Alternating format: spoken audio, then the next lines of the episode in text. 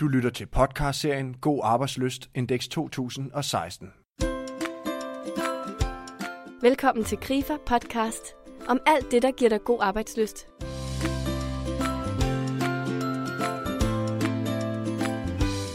Tillid er en af de altafgørende ingredienser i vores relationer på jobbet. Uanset om det er til vores nærmeste leder eller til vores kollega, viser det sig, at der er en klar sammenhæng mellem den enkeltes arbejdsløst og graden af tillid til sin nærmeste leder eller kollegaer. I denne episode interviewer vi Gert Tinggaard Svendsen, som er en af landets førende forskere inden for tillid.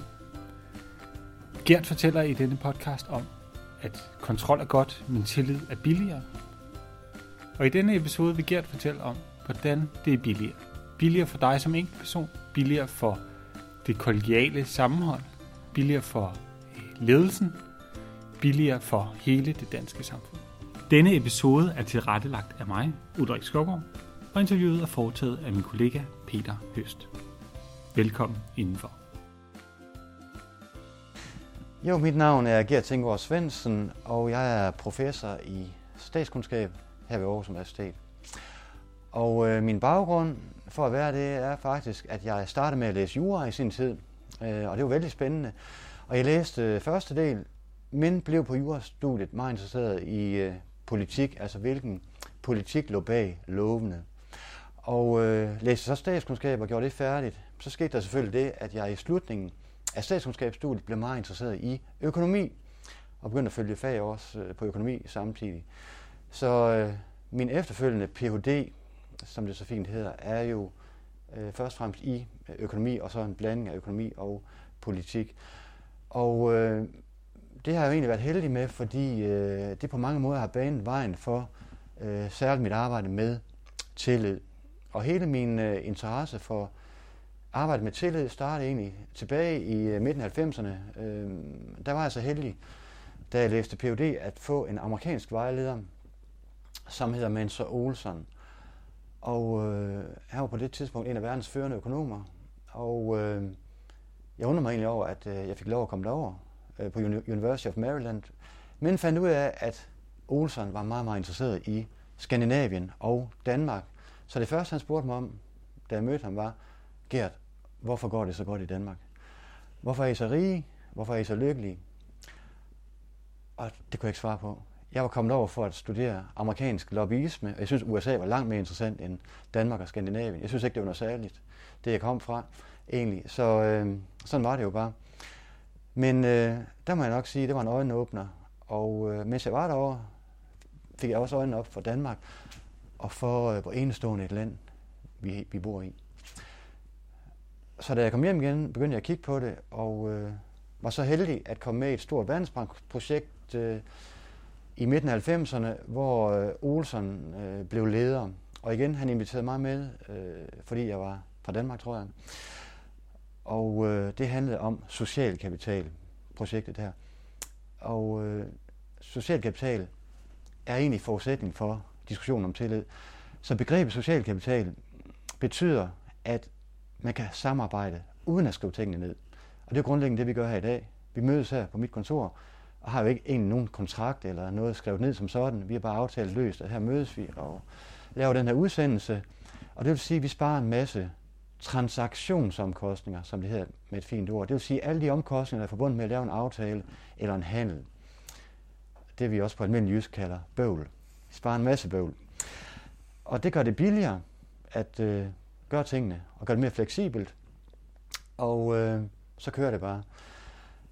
Og det kan have økonomisk betydning, så det var det, som Verdensbankprojektet her i høj grad lavede op til, det var at kigge på social kapitals økonomisk betydning.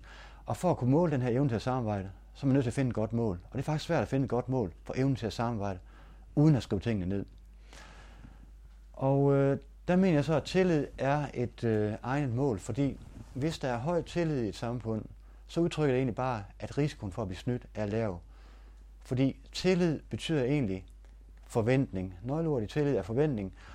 Og øh, er tilliden høj, jamen så er der en lav risiko for at blive snydt, at den anden ikke lever op til ens forventning om, hvad man gør i en given situation, hvor der er en eller anden ikke skreven øh, spilleregel. Altså uskrevne eller uformelle spilleregler, det vi også nogle gange kalder normer. Altså de der uskrevne spilleregler, er der masser af i det danske samfund. Og det vil sige, et ord er et ord for eksempel.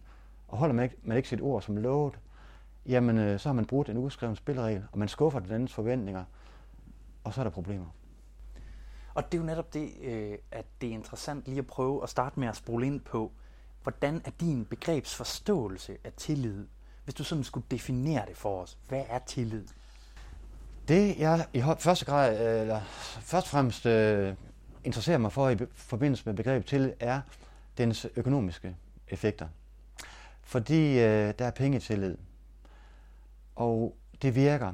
Altså jeg mener, altså hvis vi skal ind og se på, hvorfor vi er så rige, og for også så lykkelige som vi er, men hvorfor er vi så rige, hvorfor er vi så velfungerende økonomisk i Danmark, jamen øh, der mener jeg så, at, øh, at tillid er, er en, en vigtig øh, x-faktor på det område. Fordi det er sådan, at hvis man ser på et lands øh, rigdom og skal forklare det, det kan økonomerne regne på. Så økonomerne har regnet ud, at cirka halvdelen af et lands rigdom stammer fra uddannelse, en fjerdedel stammer fra al fysisk kapital, det vil sige naturressourcer, en bord, en stol, en hammer, et søm. Men den sidste fjerdedel kan økonomerne ikke forklare, hvor kommer fra. Og det er noget, der piner dem. Og her mener jeg så, at tillid kan være en mulig øh, forklaring på en, en x-faktor, som vi jo tager for givet i Danmark, at man, man holder sit ord og opfører sig ordentligt, men øh, skal være mere opmærksom på, at øh, den har en, en vigtig socioøkonomisk effekt. Hvordan tænker du, at tillid kan betyde noget rent økonomisk? Er du, vil du ikke lige prøve at folde det lidt ud for os? Jo, så lad os nu sige, at øh, lad os tage et eksempel. Lad os nu sige, at øh, du har et eller andet med i dag, øh, Peter, som øh, jeg kunne godt tænke mig at købe. Se, nu kan jeg se, at du har en, øh, en taske liggende derovre. Og lad os nu sige, at du lige har fået en, øh, en ny taske faktisk, og, og gerne vil sælge den gamle taske. Og jeg står lige og mangler sådan en, øh, en fin taske der til mit øh, kamera. Og øh, vi laver en aftale, hvor øh, jeg lover, at øh, jeg sender dig pengene, når jeg kommer hjem for tasken.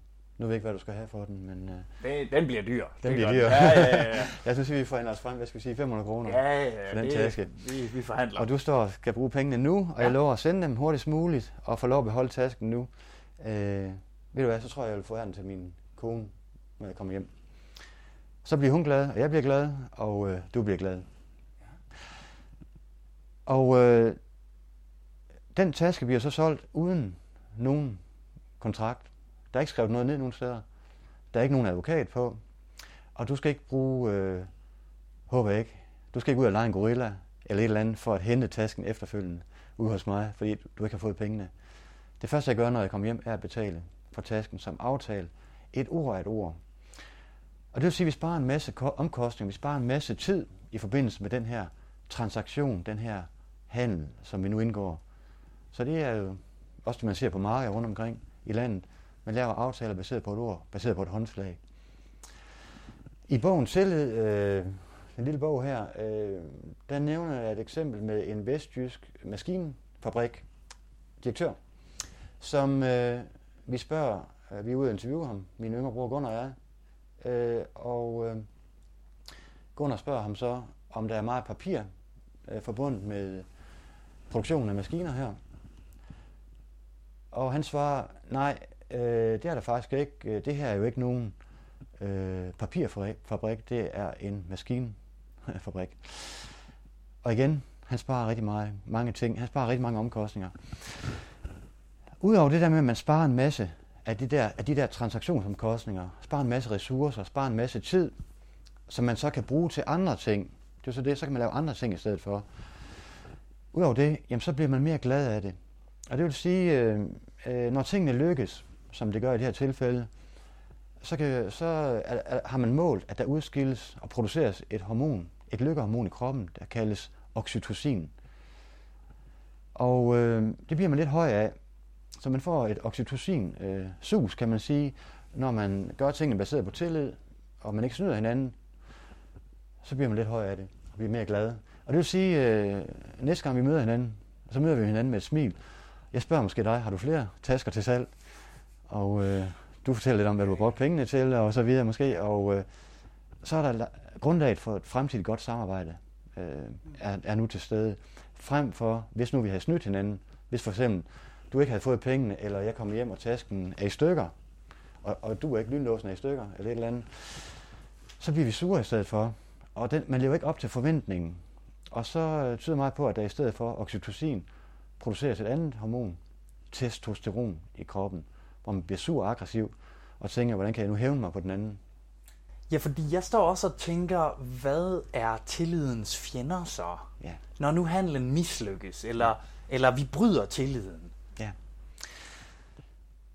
Man kan sige, at tillidens fjende er kontrol. Det vil jeg sige er den grundlæggende øh, fjende her. Altså jeg har jo omskrevet, øh, adskillige gange har jeg omskrevet øh, Lenins berømte ord, også blandt andet i, i den lille bog her, Tillid, øh, har jeg omskrevet Lenins berømte ord, som jo siger, at øh, tillid er godt, men kontrol er bedre. Ja. Og det har jeg omskrevet til, at ja, kontrol er godt, der skal være nogen kontrol, men tillid er billigere.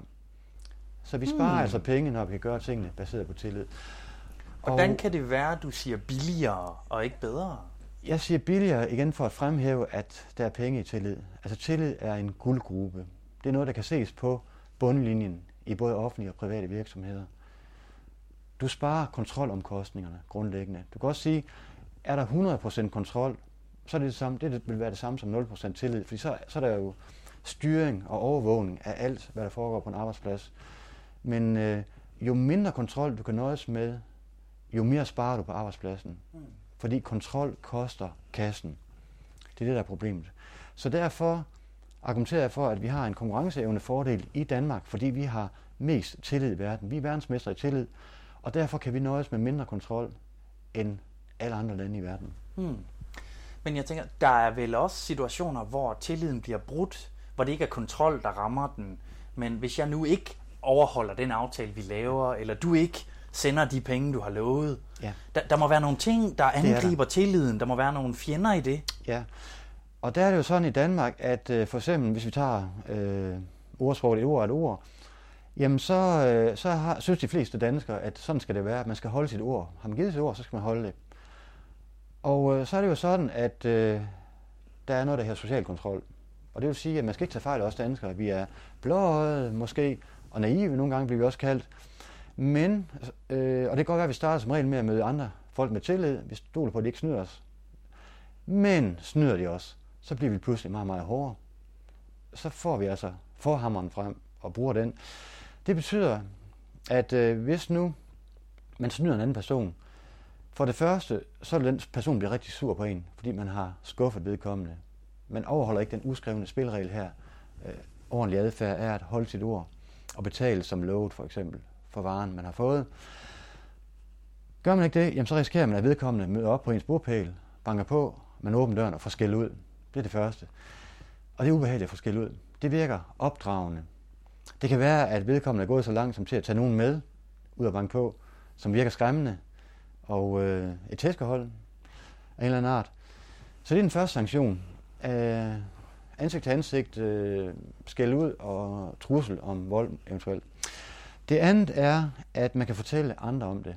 Og det vil sige, at har man snydt nogen, kan man jo blive hængt ud i en offentlig gabestok, og det kan være Facebook, eller men al, øh, vedkommende fortæller alle mulige, at øh, vedkommende er blevet snydt og så videre. Og øh, hvis nu vedkommende ikke har betalt for en taske for eksempel, jamen, så er det svært for vedkommende at købe en taske hos en anden, som har hørt om det her, uden at vedkommende får pengene lige med det samme og det bliver mere besværligt at gennemføre aftalen, fordi der er, der er højere risiko for snyd. Hmm.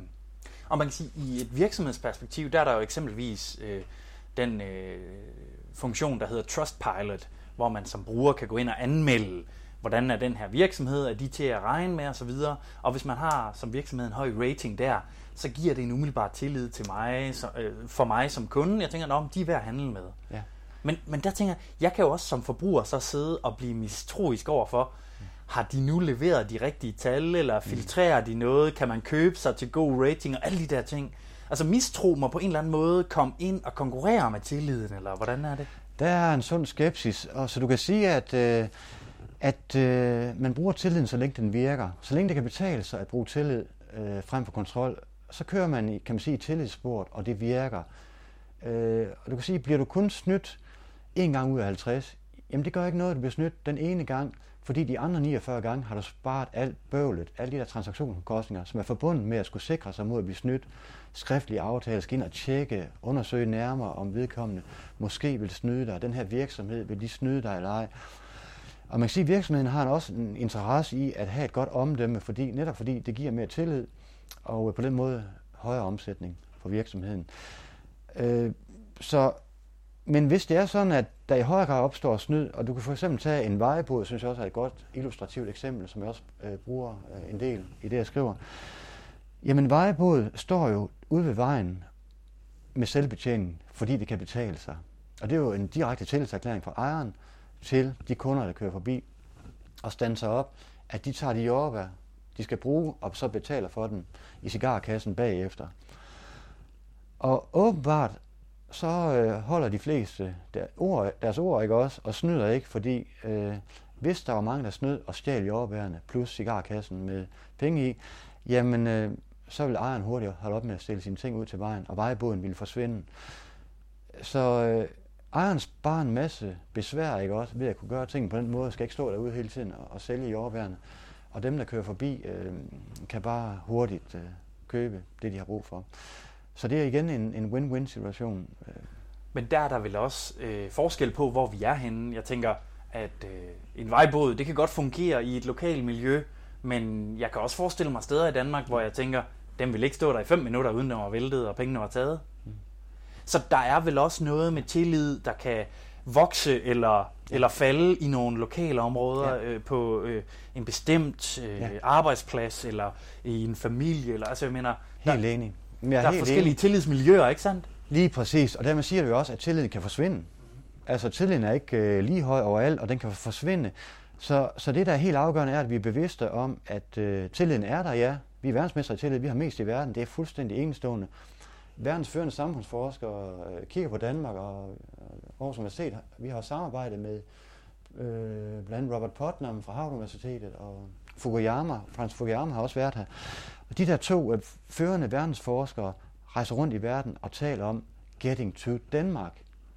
De er vildt imponeret af den her lille landsby, som de kalder Danmark. Øh, den enestående tillid, vi er gennemsyret af, og den lykke, der også er her. Øh, og øh, nu, vi danskere, vi, vi synes jo egentlig ikke, det er noget særligt. Sådan er det jo bare i Danmark. Men når man ser på Danmark udefra, hvis man ser på Danmark som et laboratorium, jamen så er det jo fuldstændig vildt, det der foregår her. Ja. Øh, den høje tillid og øh, de ting, vi har gang i hele øh, velfærdsstaten, øh, humleben, øh, som vi også kalder den, at den kan flyve, det er noget, der undrer folk over hele verden. Så Getting to Danmark, og selv i den amerikanske valgkamp er, er Danmark jo også blevet brugt gentagende gange, og det skyldes blandt andet Robert Putnam, som er rådgiver for præsidentkandidaterne derovre.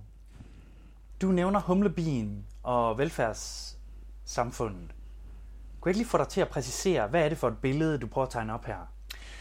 Man kan sige, øh, normalt siger man jo om humlebien, at øh, den ikke kan flyve, men gør det alligevel. Og det samme kan man sige om øh, den danske og den skandinaviske velfærdsstat, fordi at tilskyndelsen til, tilskyndelsen til at blive gratist, øh, til at nyde uden at yde, er meget, meget stærk. De sociale ydelser i Danmark er så høje, at man sagtens kan leve af dem uden at arbejde. Og det vil sige, at man, er man øh, en ren lommeregner, øh, en ren såkaldt homo economicus, så vil de i mange tilfælde godt kunne betale sig at modtage sociale ydelser og arbejde sort og så videre i stedet for. Og så lade de andre arbejde og betale skat, og på den måde øh, køre på frihjul. Men øh, det er ikke øh, tilfældet i videre udstrækning i Danmark, endnu i hvert fald. Øh, og øh, man kan sige, at man betaler jo grundlæggende skat, går på arbejde og betaler skat i tillid til, at de andre også bidrager, når de kan. Dem, der kan, at de også bidrager på en eller anden måde. Og dem, der ikke kan, de har så været uheldige og er så forhindret i at bidrage er lovligt undskyldt. Mens, øh, og samtidig så stoler vi også på, så det er en, vi stoler på andre arbejder og betaler skat, dem der kan.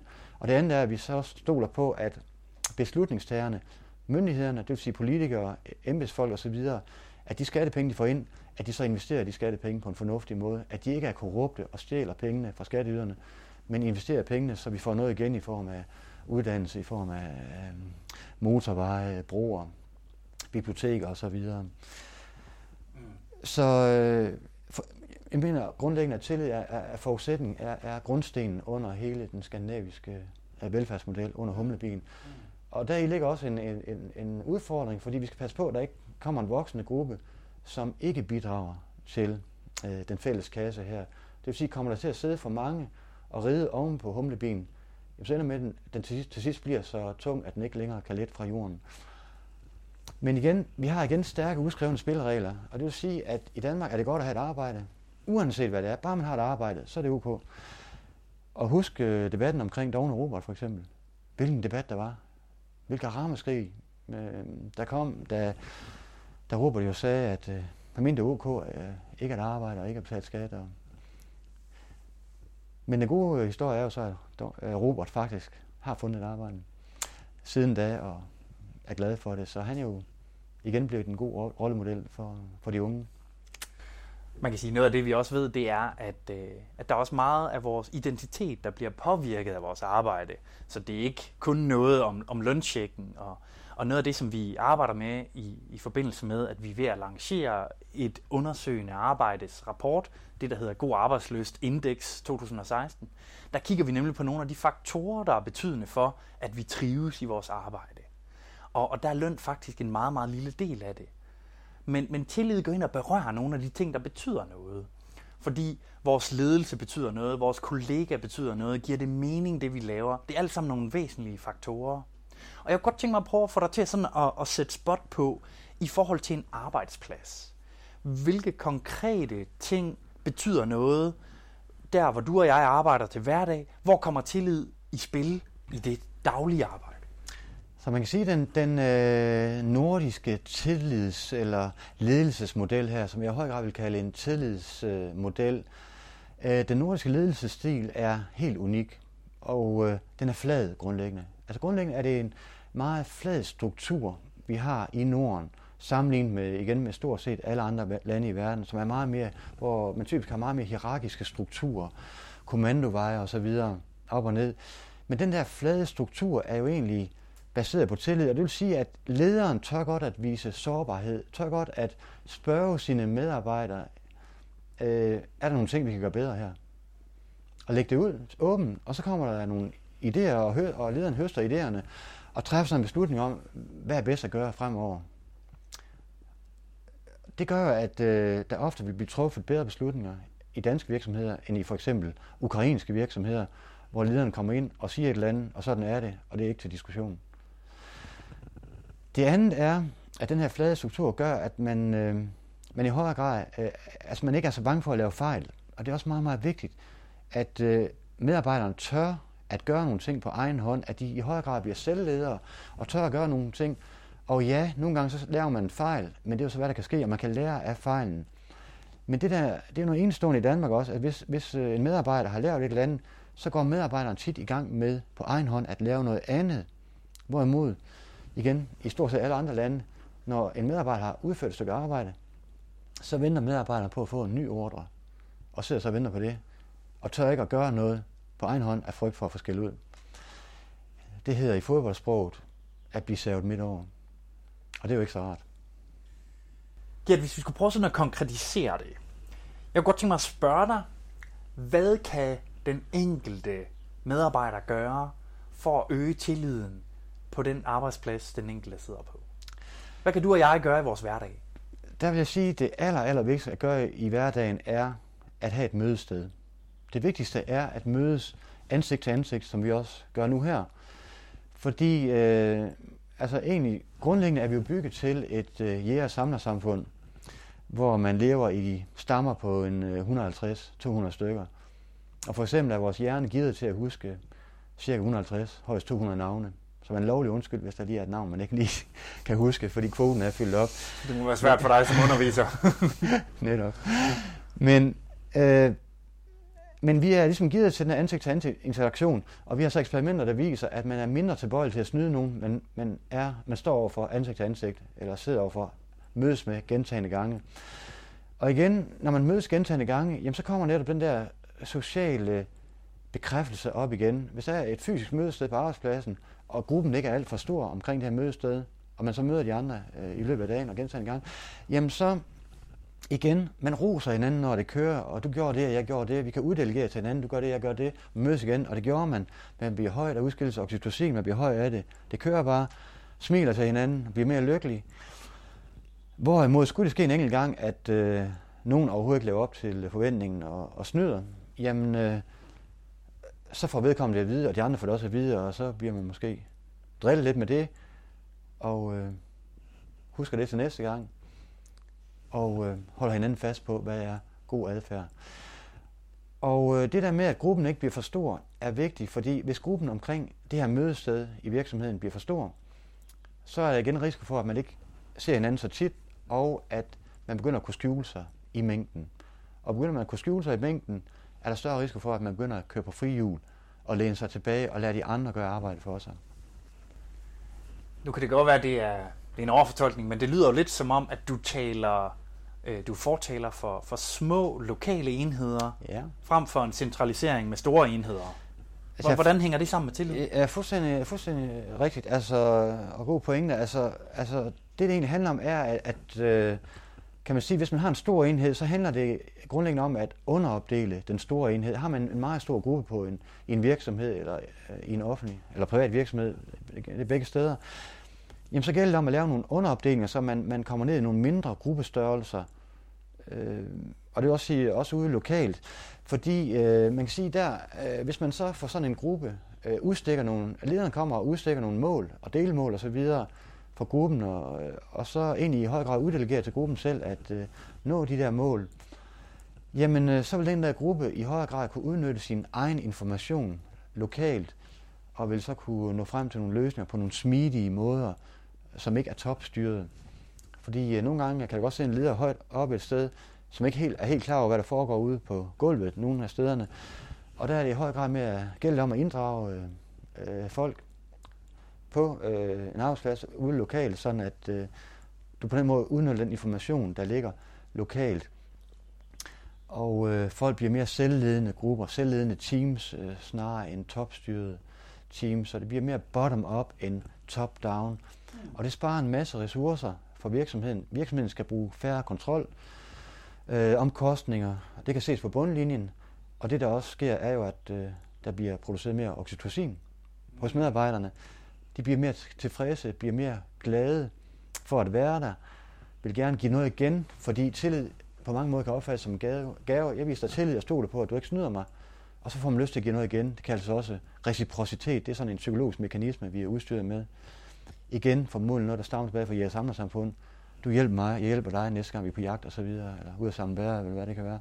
Jamen, øh, så husker vi det og, og gengælder. Og på den måde får vi et samarbejde i gang frem for krig. Krig er det værste, der kan ske i sådan en stamme. Så er stammen øh, færdig. Så er der en anden stamme, som kan samarbejde, som overhaler den her stamme, der ikke kan finde ud af at samarbejde i en benhård konkurrence om at overleve. Jeg kan huske, at jeg på et tidspunkt i, i, i en snak øh, kom, kom ind omkring begrebet en bankkonto som sammenlignelig med det med tillid. Kan du, kan du genkende den forståelse, hvor man siger, jeg sætter noget ind i tillidsbanken, hver gang jeg overholder mit ord over for dig, og så kan vi ligesom få bygget tillid op over tid. Øh, og så kan jeg måske også, hvis jeg snyder dig, opleve, at whoopty, så tømte jeg kontoen. Øh, giver det mening at tale i det, det billede, mening. eller hvordan forstår du det? Det er, synes jeg er et rigtig godt billede. Mm. Øh, og øh, man kan jo sige, at vi er, vi er jo små statistikere.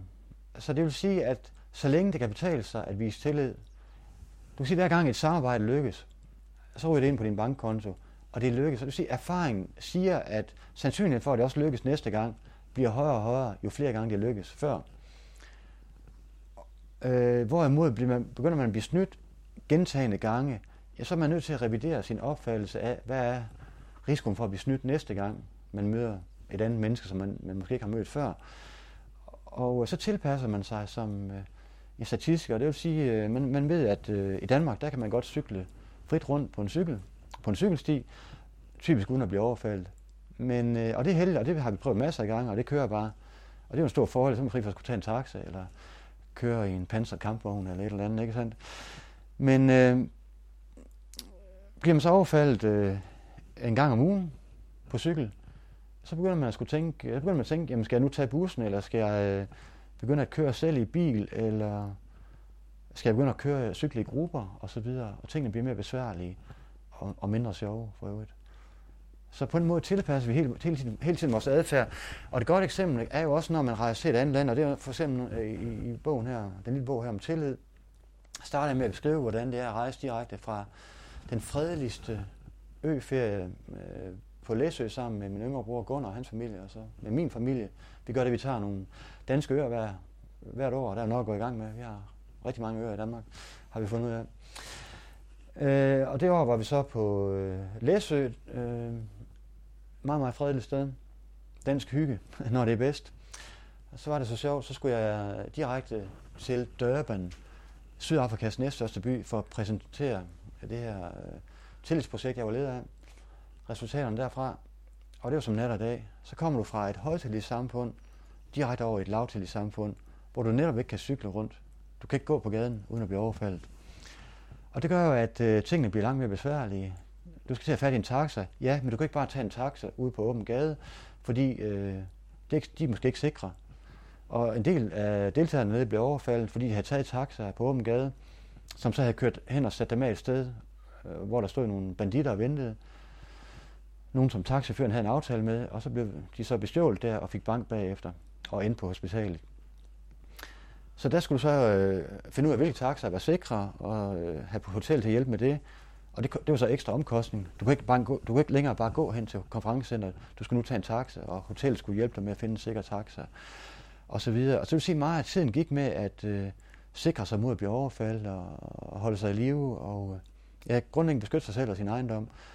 Og meget af den tid kunne man have brugt på en meget mere fornuftig måde dernede, og en mere produktiv måde. Hold da op. Det gør nok vildt. Gert, øh, sådan her til sidst kunne jeg godt tænke mig at spørge dig, kan du prøve at konkretisere lidt for os? Hvad kan vi gøre i vores hverdag? Hvordan kan vi arbejde for at bevare den tillid, vi har, og vækste i tilliden? Så at sige, sætte mere ind på tillidskontoen. Jeg mener, det aller, aller vigtigste som udgangspunkt er øh, at blive bevidst om, at tilliden er der, og at den er vigtig. At der både er penge, er penge og øh, lykke forbundet med tillid. Og det vil sige, øh, og, og igen, som jeg startede med at fortælle, øh, min, den måde jeg selv oplevede det på, var ved at komme til USA, hvor de så spurgte mig om, hvorfor det går godt i Danmark. Og på den måde blev jeg så selv spurgt ind på tillid. Men ellers havde jeg det jo, præcis som de fleste andre danskere, sådan at det er jo egentlig ikke noget særligt. Man holder sit ord, man opfører sig ordentligt og så videre. Og sådan er det bare. Men sådan behøver det ikke at være.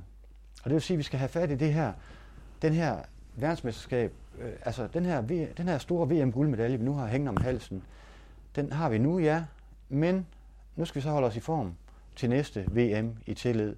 Akkurat som havde vi vundet VM i fodbold, så skal vi også holde os i form og træne til næste gang, for at kunne vinde VM i fodbold igen, hvad nok ikke vil ske inden for en overskuelig fremtid. Men i hvert fald, vi har chancen inden for VM i tillid. Og det vil sige, at i dagligdagen er vi nødt til at, at simpelthen skrive det op, altså sige tillid, skrive det op, øh, sort på hvidt, at tillid er en værdi i virksomheden her, som vi gerne vil have i høj, den vil gerne have i højsædet. Og det vil sige, nu handler det om at trykke på tillidsknappen frem på kontrolknappen.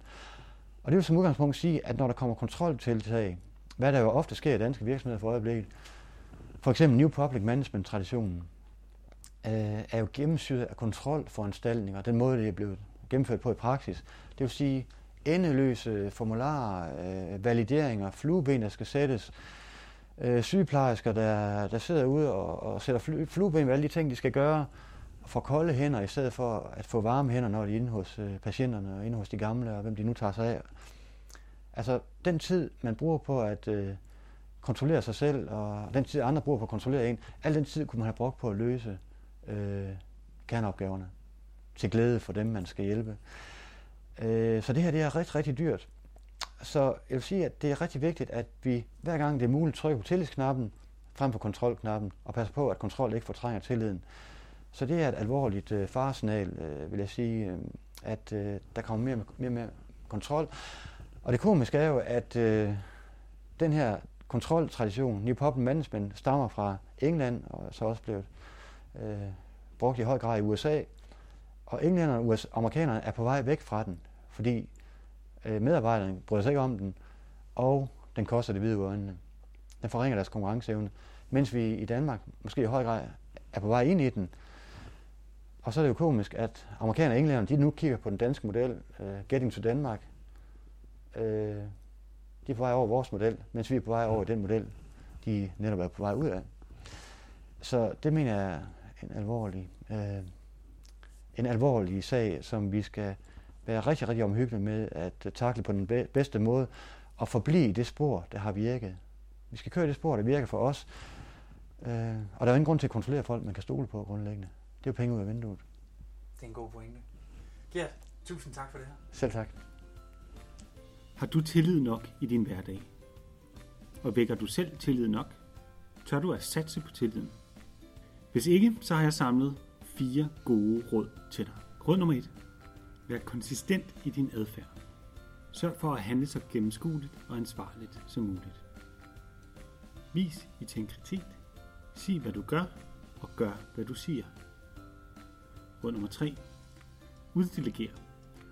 Vis tillid ved at give kompetencer til andre, og ved at forhåndsgodkende. Punkt nummer 4. Vær lydhør. Tag andres synspunkter seriøst. Ved at følge disse fire råd, kan du være en af dem, der vækker mere tillid, og en af dem, der viser tillid til dine omgivelser. Husk, at du kan abonnere på Krifas podcast ved hjælp af din smartphone og en podcast henter. Tak fordi I lyttede med.